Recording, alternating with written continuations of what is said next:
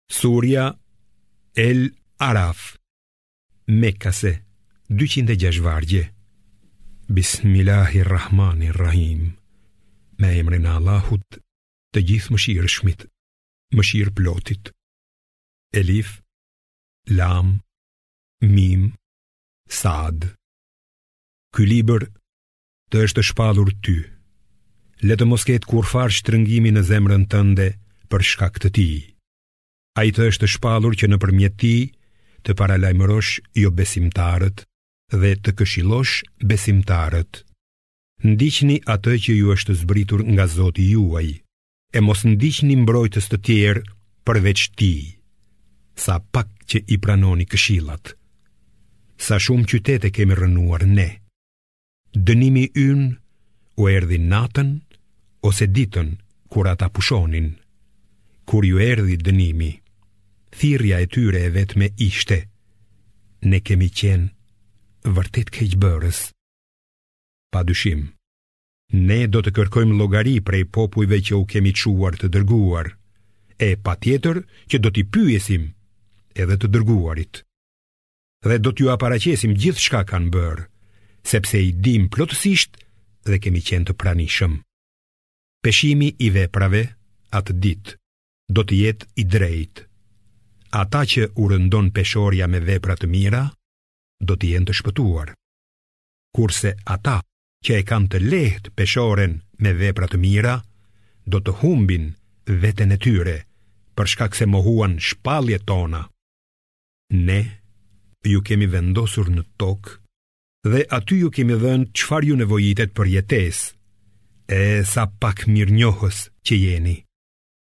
Ne ju krijuam e pastaj ju dhamë formën. E u thamë engjëjve, përuljuni në sexhde Ademit.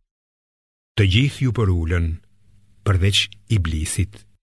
Ai nuk ishte nga ata që u përulën. Allahu tha, Çfarë të pengoi ty të mos përuleshe, kur të urdhërova? Ai u përgjigj, unë jam më i mirë se ai, mua më krijove nga zjarri, kurse atë e krijove nga balta.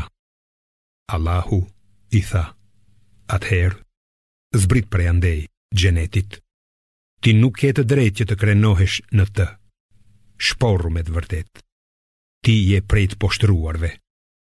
Iblisi tha: Më jep afat deri në ditën kur ringjallen njerëzit.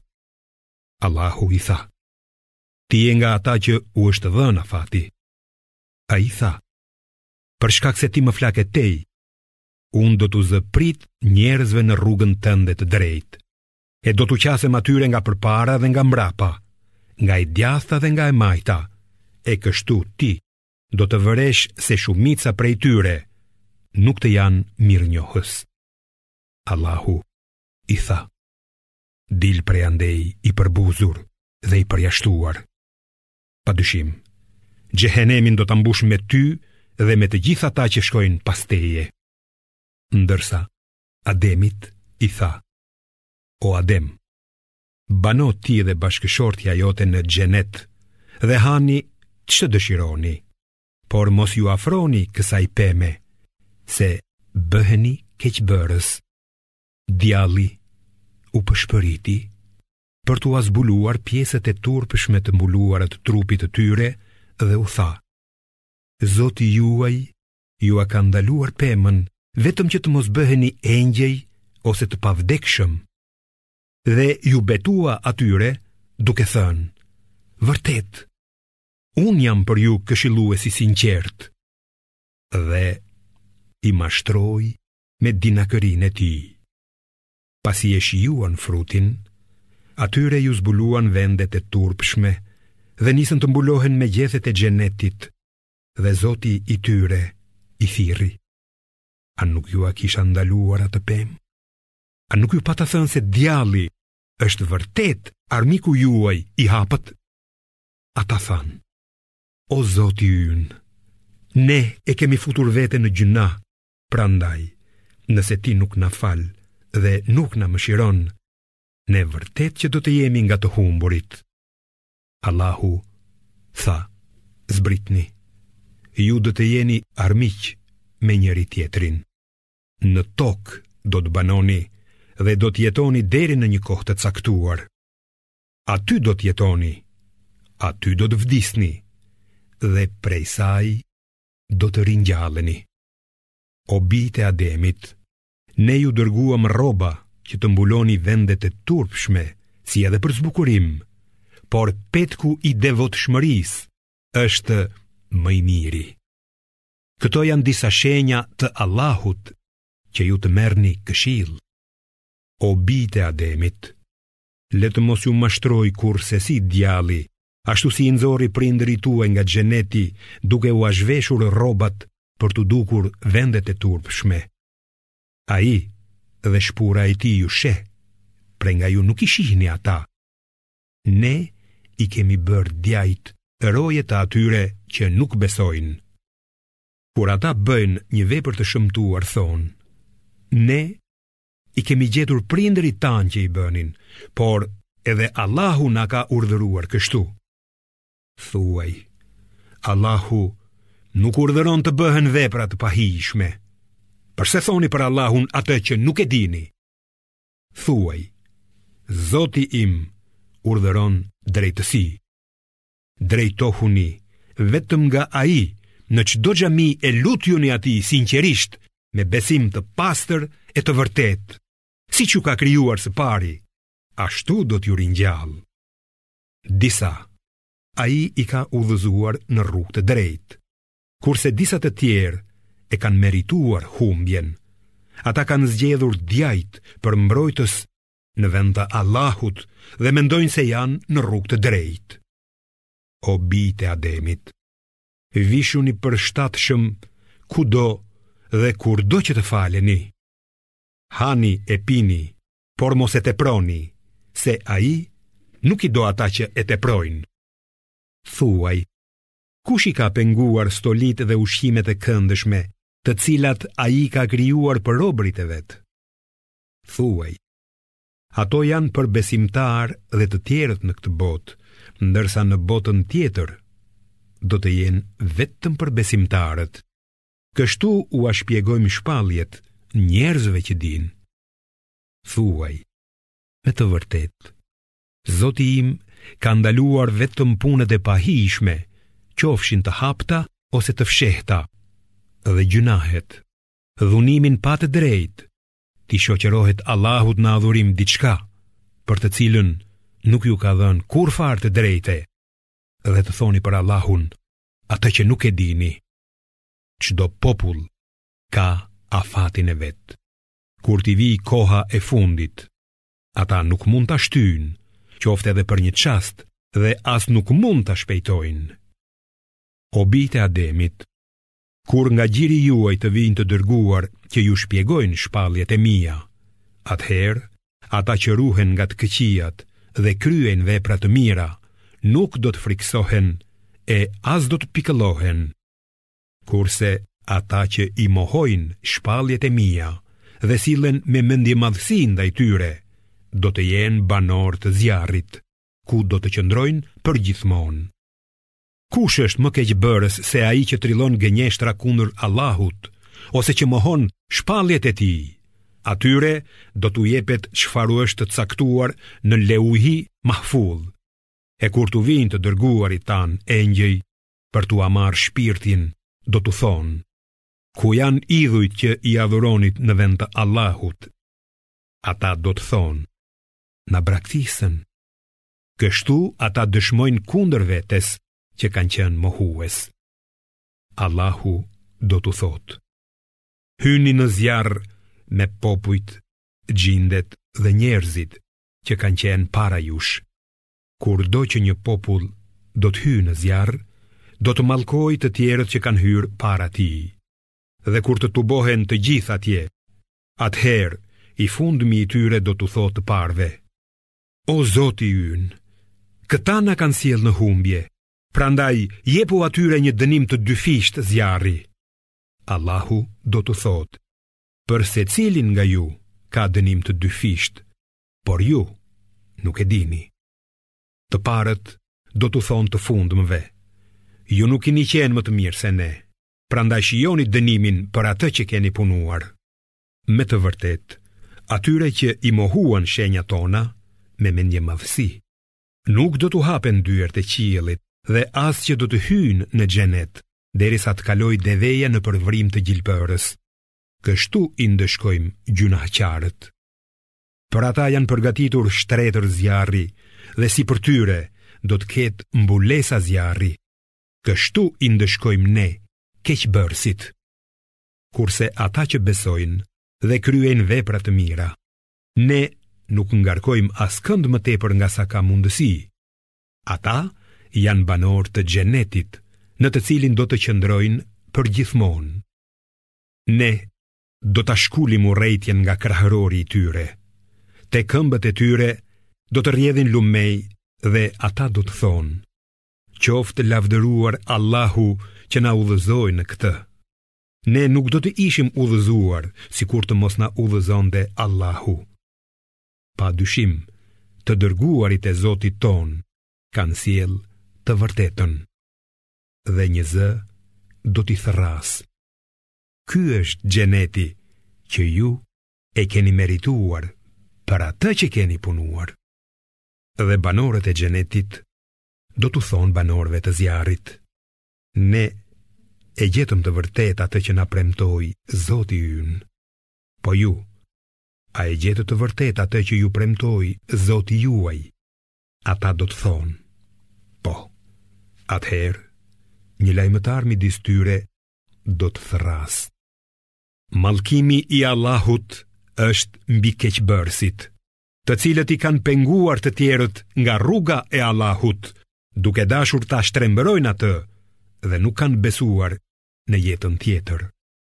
Një mur do t'i ndajë ata, ndërsa në lartësitë e tij do të ndodhen njerëz. të cilët i njohin të dyja palët sipas tipareve. Ata do t'u thërrasin banorëve të xhenetit. Paqja qoftë mbi ju. Ata nuk do të kenë hyrë ende në xhenet, ndonëse shpresojnë. E kur t'i kthejnë sytë nga banorët e zjarrit, do të thonë. O Zoti ynë, mos na hidh midis këtyre njerëzve të këqinj. Pastaj, njerëzit e murit, Araf, do t'u thërrasin disa njerëzve që i njohin nga pamja, duke u thënë, nuk ju ndihmoi as grumbullimi i pasurisë suaj, as kryelartësia juaj, ndaj të vërtetës. A janë këta për të cilët u betuat se nuk do t'i arrijë mëshira e Allahut, ndërsa atyre do t'u thonë sërish, hyni në xhenet. Për ju s'ka frikë e as pikëllim. Banorët e zjarrit do t'u thërrasin banorëve të xhenetit. Derdhni pak ujë te ne ose diçka nga ajo që ju ka dhuruar Allahu. Ata thonë, në të vërtetë, Allahu këto i ka ndaluar për mohuesit, të cilët e morën fenë për lojë dhe argëtim dhe u mashtruan nga jeta e kësaj bote. Ne sot do t'i harrojmë ata, ashtu siç e patën harruar ata takimin e kësaj dite dhe siç mohuan shpalljet tona. Ne u kemi zbritur atyre një libër, të cilin e kemi shpjeguar gjerësisht që të jetë udhërrëfyes dhe mëshirë për njerëzit që besojnë. A mos vallë, ata presin zbatimin e tij? Kur t'u vijë dita e zbatimit, do të thonë për atë që e patën mohuar më parë. Të dërguarit e Zotit tonë na kanë sjellë të vërtetën. A ka ndonjë ndërmjetësues që të ndërhyjë për ne? A mund të kthehemi sërish në jetën e tokës që të veprojmë ndryshe nga ç'kemi punuar? Me siguri që ata do t'i humbasin shpirtrat e tyre dhe ajo që trillonin do t'i braktisë. Në të vërtetë, Zoti juaj është Allahu, që krijoi qiejt dhe tokën për gjashtë ditë, e pastaj u ngrit mbi fronin hyjnor që mbisundon gjithësinë. Ai me errësirën e natës e mbulon ditën, e cila e ndjek atë. Dielli, hëna dhe yjet i përulen urdhrit të tij. Vetëm atij i përket krijimi dhe urdhërimi. Qoftë i bekuar Allahu, Zoti i botëve. Lutjuni Zotit tuaj përulshëm dhe ngadalë. Njëmend, ai nuk i do ata që e kalojnë kufirin. Dhe mos bëni çrregullime në tokë pasi është vënë rregulli, ndërsa atij lutjuni me frikë dhe shpresë. Vërtet mëshira e Allahut është afër punëmirëve. Ai i dërgon erërat si lajmëtare të mëshirës së tij, kur erërat lëvizin retë e rënda me shi, Ai i çon ato tek ndonjë vend i vdekur, ku lëshon shi dhe me anë të tij nxjerr lloj-lloj frutash. Po kështu do t'i ringjallë edhe të vdekurit. Këta janë shembuj që t'ua vini veshin. Toka e mirë i jep frutat me lejen e Zotit të saj, ndërsa toka e keqe zor se jep gjë. Kështu, në mënyra të ndryshme, ne ua shpjegojmë shpalljet tona njerëzve mirënjohës. Ne ia dërguam Nuhun, popullit të tij, e ai u tha, o populli im, adhuroni Allahun, ju nuk keni zot tjetër përveç tij, unë kam frikë se do të bjerë mbi ju dënimi i një dite të madhe. paria e popullit të tij tha, Ne të shohim ty në humbje të qartë. Ai tha, o populli im, unë nuk jam në kurrfarë humbjeje, por jam i dërguar nga ana e Zotit të gjithësisë. Unë ju sjell shpalljet e Zotit tim, ju këshilloj dhe di nga Allahu atë që ju nuk e dini. A po çuditeni që këshilla e Zotit tuaj t'ju vijë nëpërmjet një njeriu prej jush, i cili ju tërheq vërejtjen që të keni frikë Allahun, në mënyrë që të mëshiroheni prej tij? Ata i quajtën gënjeshtar Nuhun. Kështu që ne shpëtuam me anë të barkës atë dhe të gjithë njerëzit që ishin me të. Ndërsa ata që i mohuan shpalljet tona, i fundosëm. ata qenë vërtet një popull i verbër. Fisit Ad i dërguam vëllanë e tyre, Hudin. Ai tha, o populli im, adhuroni Allahun, ju nuk keni zot tjetër përveç tij, a nuk po i ruheni dënimit. Paria e popullit të tij, që nuk besonte, tha, Ne shohim tek ti mendjelehtësi dhe mendojmë se je gënjeshtar.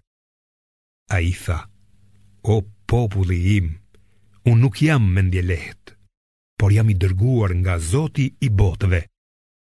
Unë ju sjell shpalljet e Zotit tim dhe jam këshilltar besnik.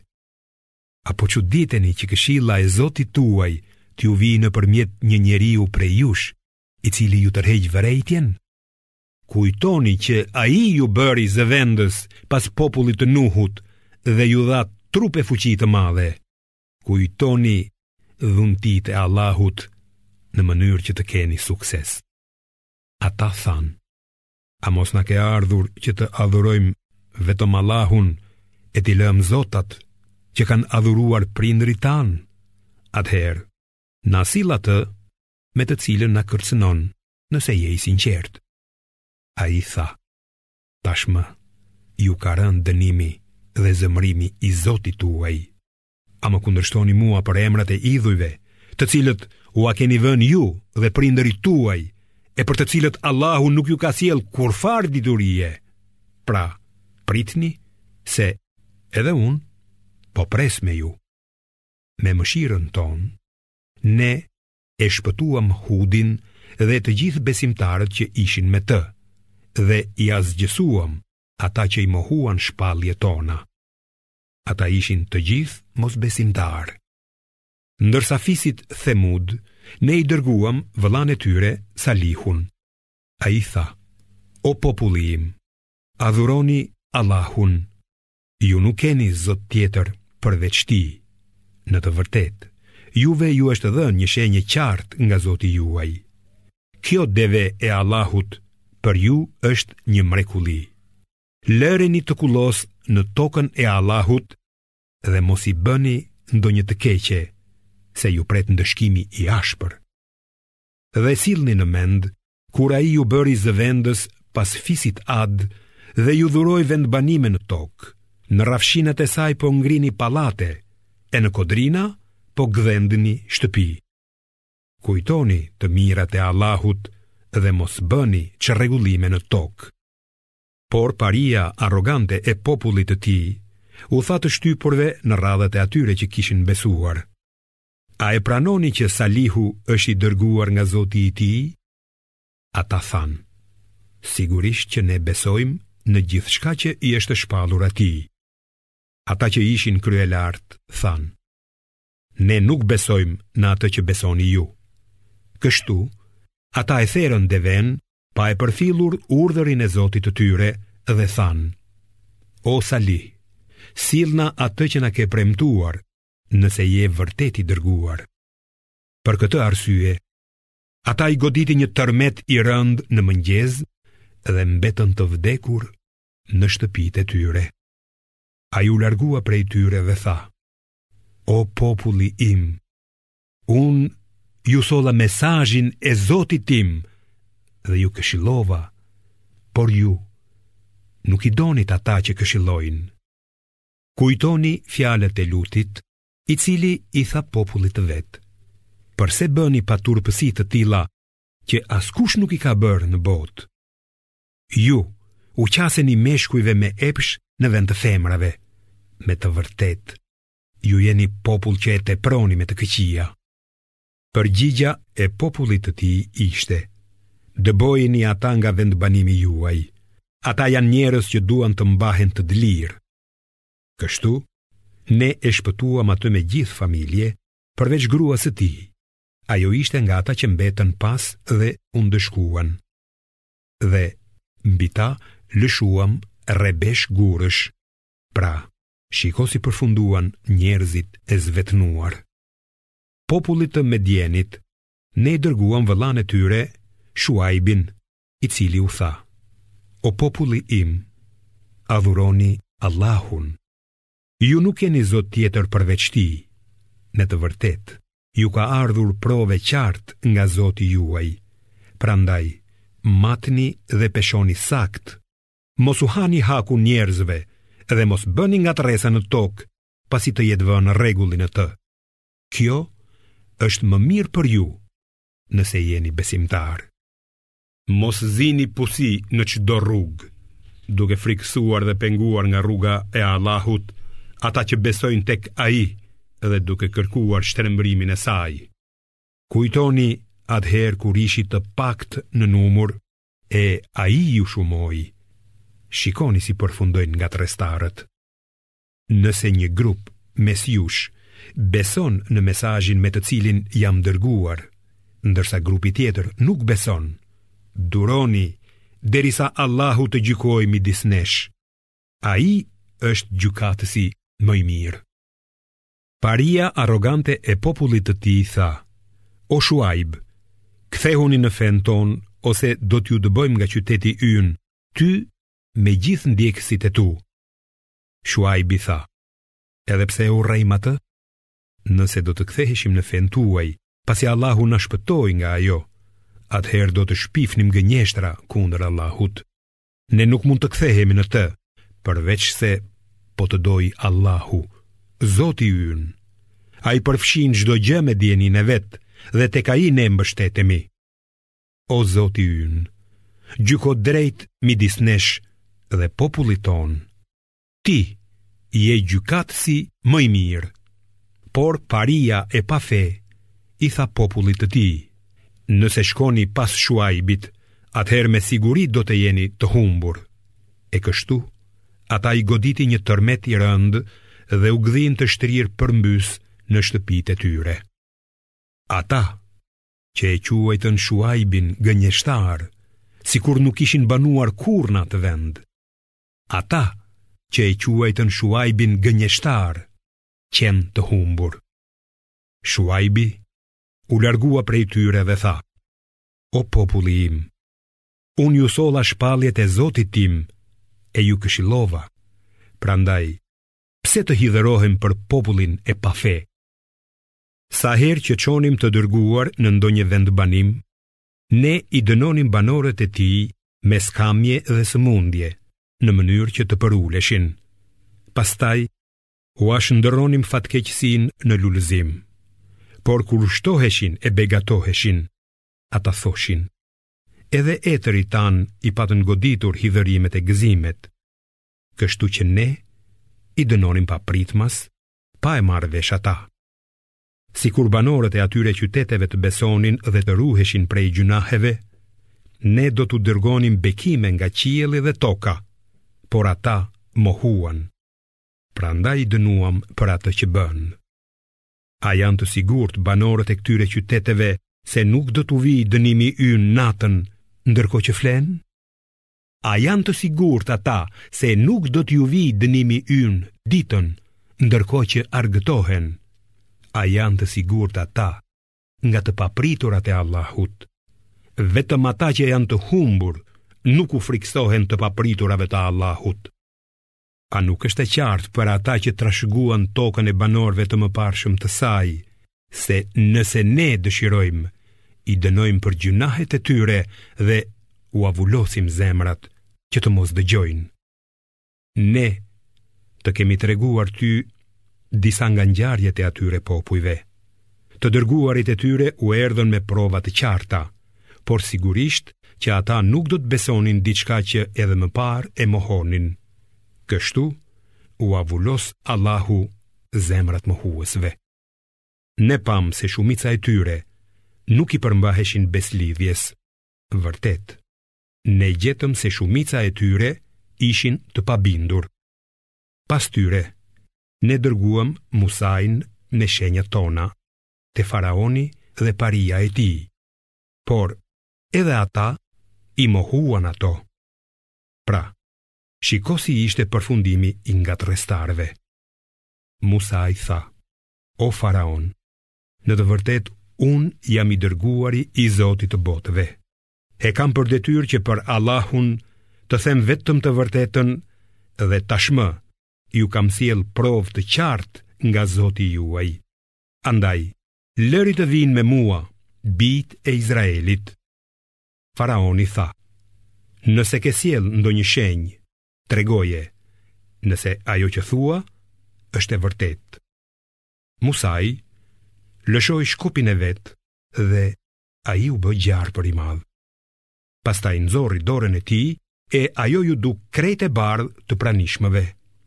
Paria e popullit të faraonit tha, Ky qenka vërtet një magjistar i shkathët, i cili kërkon t'ju nxjerrë nga toka juaj.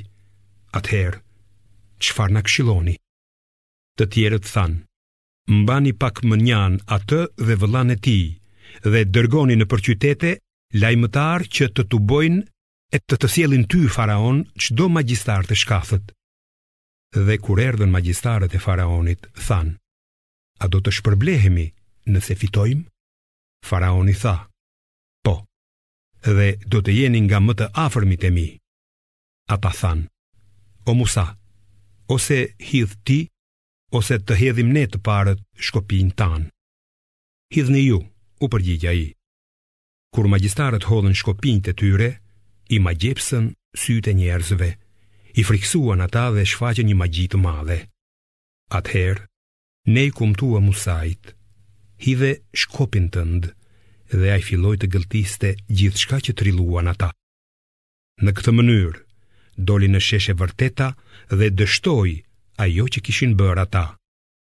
Kështu, faraoni dhe njerëzit e tij u mundën dhe u kthyen të poshtëruar, kurse magjistarët u përulën në sexhde, duke thënë: Ne besojmë në Zotin e botëve, Zotin e Musait dhe të Harunit.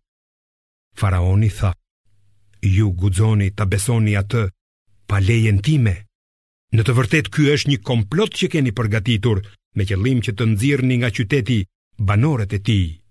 Keni për ta parë. Do t'jua këpus duart dhe këmbët, këmbyerazi, e pastaj do t'ju kryqëzoj të gjithëve. Ata thanë, ne, me siguri do të kthehemi tek Zoti ynë. Ti po hakmerresh ndaj nesh vetëm se besuam shenjat e Zotit tonë, posa na erdhën. O Zoti ynë, na jep durim të madh dhe bëna të vdesim muslimanë. Paria e popullit të faraonit tha: A mos vallë do ta lësh Musain dhe popullin e tij që të bëjnë ngatërresa në tokë dhe që të braktisin ty dhe zotat e tu? Faraoni u përgjigj, meqenëse jemi sundues mbi ata, ne do t'i vrasim djemtë e tyre dhe do t'i lëmë gjallë gratë e tyre. Musai i tha popullit të vet, kërkoni ndihmë nga Allahu dhe duroni, sepse toka është e Allahut. Ai ia jep atë trashëgim cilit të dojë prej robërve të vet. Fundi i lumtur u takon atyre që i frikësohen Allahut. Ata i thanë, ne kemi vuajtur para se të vish ti dhe ende po vuajmë. Musai tha, ndoshta zoti juaj do ta zhdukë armikun tuaj dhe do t'ju bëjë sundimtar në tokë për t'ju parë se si do të veproni. Dhe ne e goditëm popullin e faraonit me thatësi, me vite zie, që të zinin mend, por sa herë që u vinte ndonjë e mirë, ata thonin: Këtë e kemi merituar. E kur i godiste ndonjë e keqe, atë e merrnin si ogur të zi që vinte prej Musait dhe popullit të tij. Por jo. Allahu ishte ai që ua ndillte fatin e zi. Ndonëse shumica e tyre nuk e dinin. Ata i thoshin Musait: Çfarëdo prove që të na sjellësh për të na magjepsur me të, ne nuk do të të besojmë. Prandaj ne u dërguam atyre përmbytje. Karkaleca, rriqëra, bretkosa dhe gjak, si shenja të qarta, por ata madhështoheshin dhe ishin popull keqbërës. E kur i godiste dënimi, ata thoshin, O Musa, lutju Zotit tënd për ne, meqë ka besëlidhje me ty. Nëse na liron nga kjo vuajtje, patjetër që do të të besojmë ty dhe do t'i lëmë bijtë e Izraelit të ikin me ty. Por, kur i liruam nga vuajtja dhe erdhi afati i caktuar, ata e shkelën menjëherë premtimin. Kështu, ne u hakmorëm dhe i fundosëm në det, ngaqë ata i mohuan shenjat tona dhe nuk ua vunë veshin. Ndërsa popullit të përndjekur, ne i dhamë në zotërim viset lindore dhe perëndimore të tokës që kishim bekuar. Kështu u përmbush premtimi i bukur i Zotit tënd ndaj izraelitëve, për shkak të durimit që treguan, ndërsa ndërtesat dhe kullat e faraonit dhe të popullit të tij, ne i shkatërruam. Ne i kaluam bijtë e Izraelit përtej detit, ku ndeshën një popull që adhuronin idhujt e vet. Ata i thanë Musait, Na bën edhe neve një Zot, ashtu si kanë ata zota. Musa i tha, Ju qenkeni vërtet një popull i paditur. Fenë që ndjekin këta idhujtarë, e pret shkatërrimi dhe ajo që bëjnë është krejt pa vlerë. A mos vallë doni të kërkoj për ju zot tjetër përveç Allahut që ju ka ngritur mbi të tjerët? Kujtoni kur ne ju shpëtuam nga populli i faraonit, i cili ju mundonte pa masë, fëmijët meshkuj jua vriste, kurse femrat tuaja jua linin gjallë. Kjo ka qenë sprovë e madhe për ju nga zoti juaj. Ne i premtuam Musait se do t'i flisnim pas 30 netësh, të cilat ia shtuam dhe me dhjetë të tjera, kështu që takimi me Zotin e tij u bë pas dyzet netësh. Musai i tha vëllait të vet Harunit: Më zëvendëso te populli im, mbaj rregull dhe mos ndiq rrugën e ngatërrestarëve. Kur Musai erdhi në kohën e caktuar dhe Zoti foli me të, Ai tha, o zoti im, shfaqu që të të shoh. Zoti tha, ti nuk mund të më shohësh, por shikoje atë mal. Nëse ai mbetet në vendin e vet, atëherë ti do të më shohësh mua. E kur zoti i tij iu shfaq malit, e thërrmoi atë dhe e bëri pluhur. Ndërsa Musait i ra të fikët. Kur erdhi në vete, ai tha, I lavdëruar qofsh ti, o Zot, kthehem te ty i penduar, unë jam i pari i besimtarëve. Zoti tha, o Musa, unë të kam zgjedhur ty mbi të tjerët, me kumtet e mia dhe të folurin tim pa ndërmjetës por drejtpërdrejt. Merre atë që të kam dhënë dhe bëhu mirënjohës. Ne i shkruam në pllaka udhëzime dhe shpjegime për gjithçka. Merri këto me bindje dhe urdhëroje popullin tënd që t'i përvetësojë në mënyrën më të mirë. Unë do t'ju tregoj shtëpinë e të pabindurve. Do t'i largoj prej shenjave të mia ata që sillen me arrogancë në tokë, kështu që edhe kur të shohin çfarëdo shenje, nuk do ta besojnë atë. Kur të shohin rrugën e drejtë, ata nuk do ta ndjekin atë, dhe kur të shohin rrugën e gabuar, do ta marrin atë, sepse ata nuk i besuan shpalljet tona dhe nuk u kushtonin vëmendje atyre. Atyre që mohojnë shpalljet tona dhe takimin në botën tjetër, do t'u zhvlerësohen veprat, a do të dënohen ndryshe, veçse sipas punëve që kanë bërë. Populli i Musait, pas largimit të tij, filloi të adhurojë një viç të bërë nga stolisjet e tyre të arta. Ai kishte një zë si të lopës. A nuk e shihnin ata se ai as nuk mund t'u fliste, as t'i udhëzonte në rrugë të drejtë. Ata e zgjodhën këtë viç për adhurim, dhe u bënë keqbërës. Por kur u penduan dhe e kuptuan se kishin hyrë në rrugë të gabuar, ata thanë: Nëse Zoti ynë nuk na mëshiron dhe nuk na fal, me të vërtetë do të jemi të humbur. Kur Musai u kthye te populli i tij, i zemëruar dhe i pikëlluar, thirri: Shumë e keqe është ajo që keni bërë pas ikjes sime. A mos vallë doni të shpejtonit ndëshkimin e Zotit tuaj? Pastaj i hodhi pllakat dhe duke e kapur vëllanë për koke, e tërhoqi drejt vetes. Haruni i tha: O djali i nënës sime, në të vërtetë, këta njerëz më quajtën për të dobët dhe gati më mbytën. Mos më turpëro para armiqve, dhe mos më llogarit ndër keqbërësit.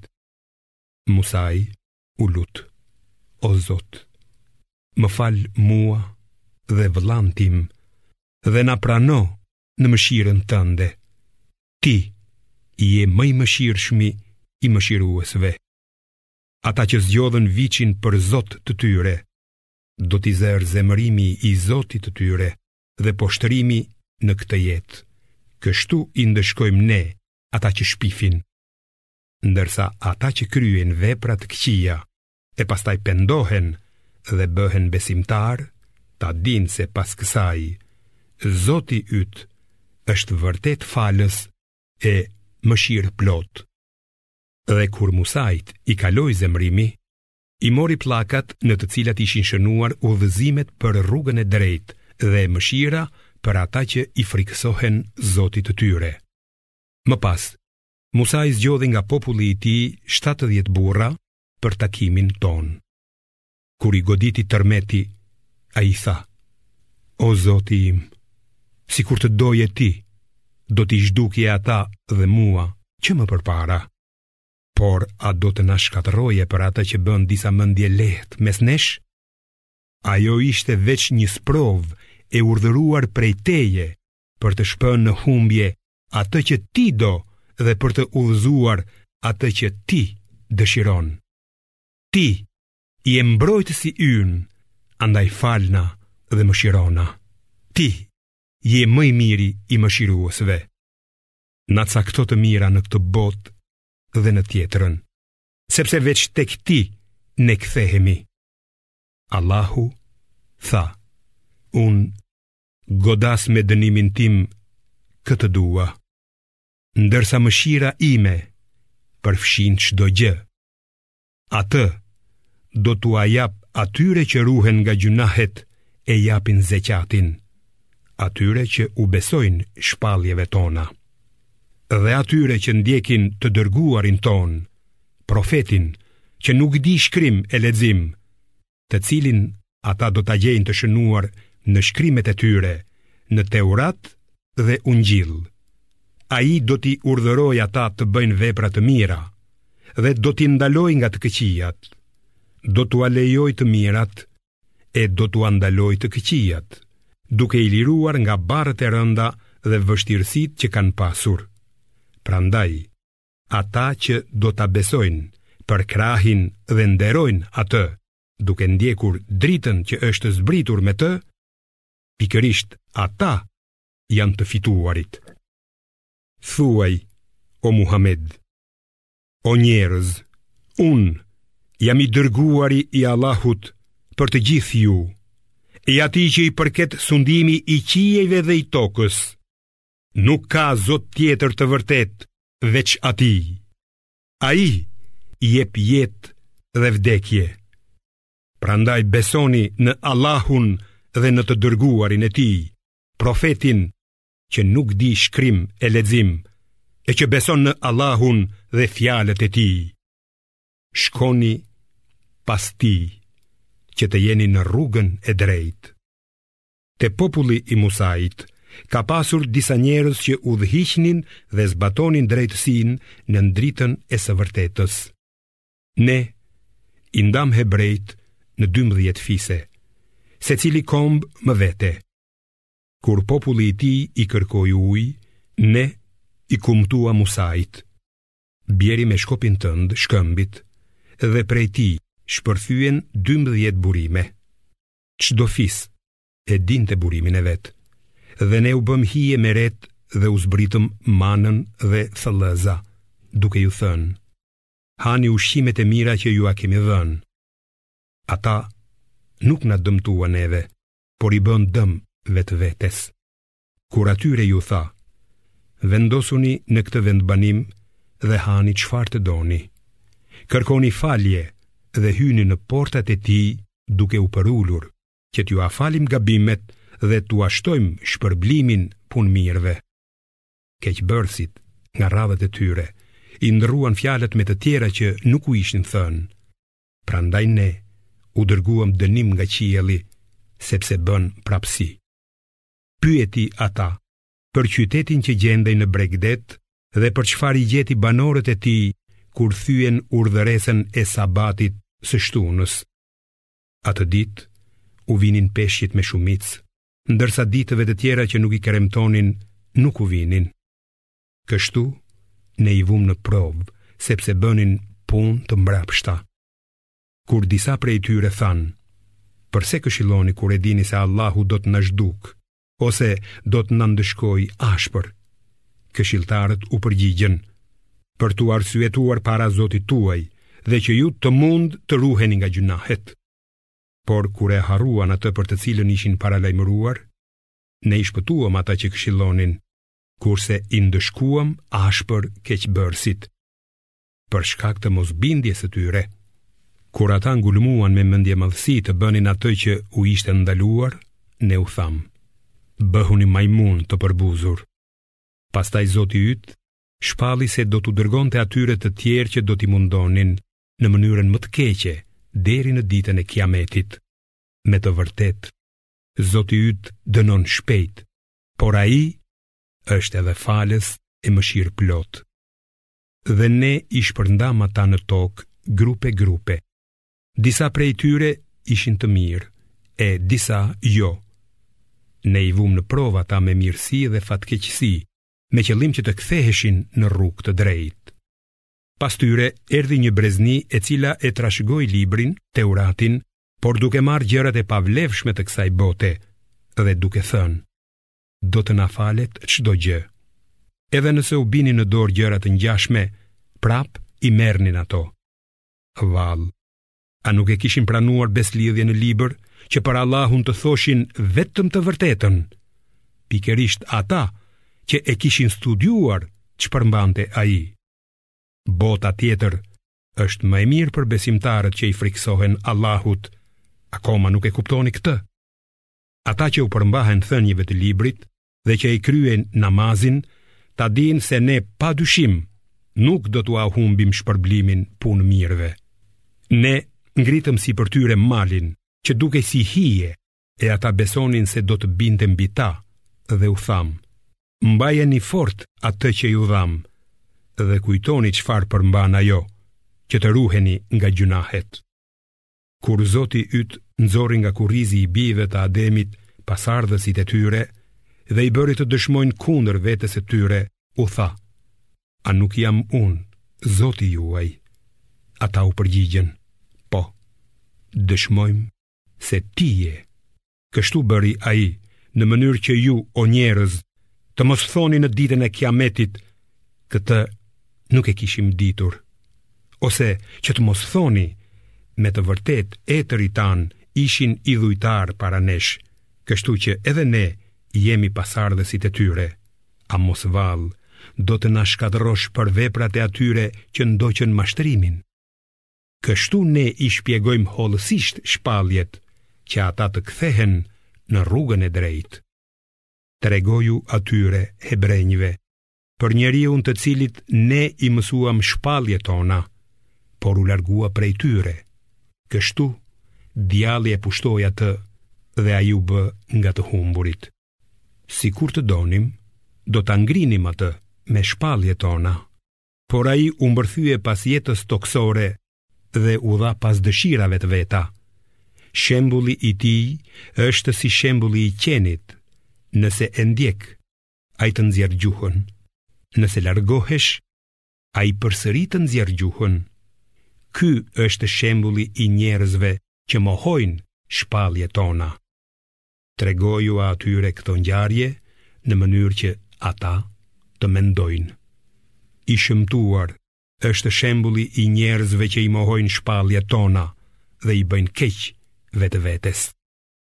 Ai, të cilin Allahu e udhëzon, është në rrugë të drejtë, ndërsa ai të cilin Allahu e shpie në humbje, është vërtet i humbur. Ne kemi paracaktuar për xhehenemin shumë xhinde dhe njerëz, sepse ata kanë zemra, por nuk kuptojnë. Kanë sy, por nuk shohin dhe kanë vesh, por nuk dëgjojnë. Ata janë si bagëtitë, madje edhe më zi. Pikërisht këta janë të shkujdesurit. Allahut i përkasin emrat më të bukur. Andaj, thirreni atë, lutjuni atij me to dhe largohuni nga ata që i shtrembërojnë emrat e tij. Ata do të ndëshkohen për çfarë kanë vepruar. Ndërmjet atyre që kemi krijuar, ka njerëz që i udhëzojnë të tjerët në rrugën e vërtetë dhe gjykojnë drejt. ndërsa ata që i mohojnë shpalljet tona, dalëngadalë, ne do t'i shpiem drejt shkatërrimit pa e kuptuar, e do t'u japim afat. Me të vërtetë, plani ynë është i fortë. A nuk u ka vajtur ndonjëherë në mendje atyre, se shoku i tyre nuk ka kurrfarë marrëzie? Ai është vetëm paralajmërues i hapët. A nuk e shohin ata mbretërinë e qiejve e të tokës dhe gjithçka që ka krijuar Allahu duke menduar se mund t'u jetë afruar fundi? Në çfarë shpallje tjetër do të besojnë pas kësaj? Ata që Allahu i shpie në humbje, askush nuk mund t'i udhëzojë në rrugë të drejtë. Ai i lë ata të enden në mosbesimin dhe humbjen e tyre. Ata të pyesin ty Muhammed rreth orës së Kiametit. Thuaju, atë e di vetëm Zoti im. Kohën kur do të ndodhë ajo, do ta tregojë vetëm ai. Do të jetë e rëndë për qiejt dhe tokën. Do t'u vijë krejtësisht papritmas.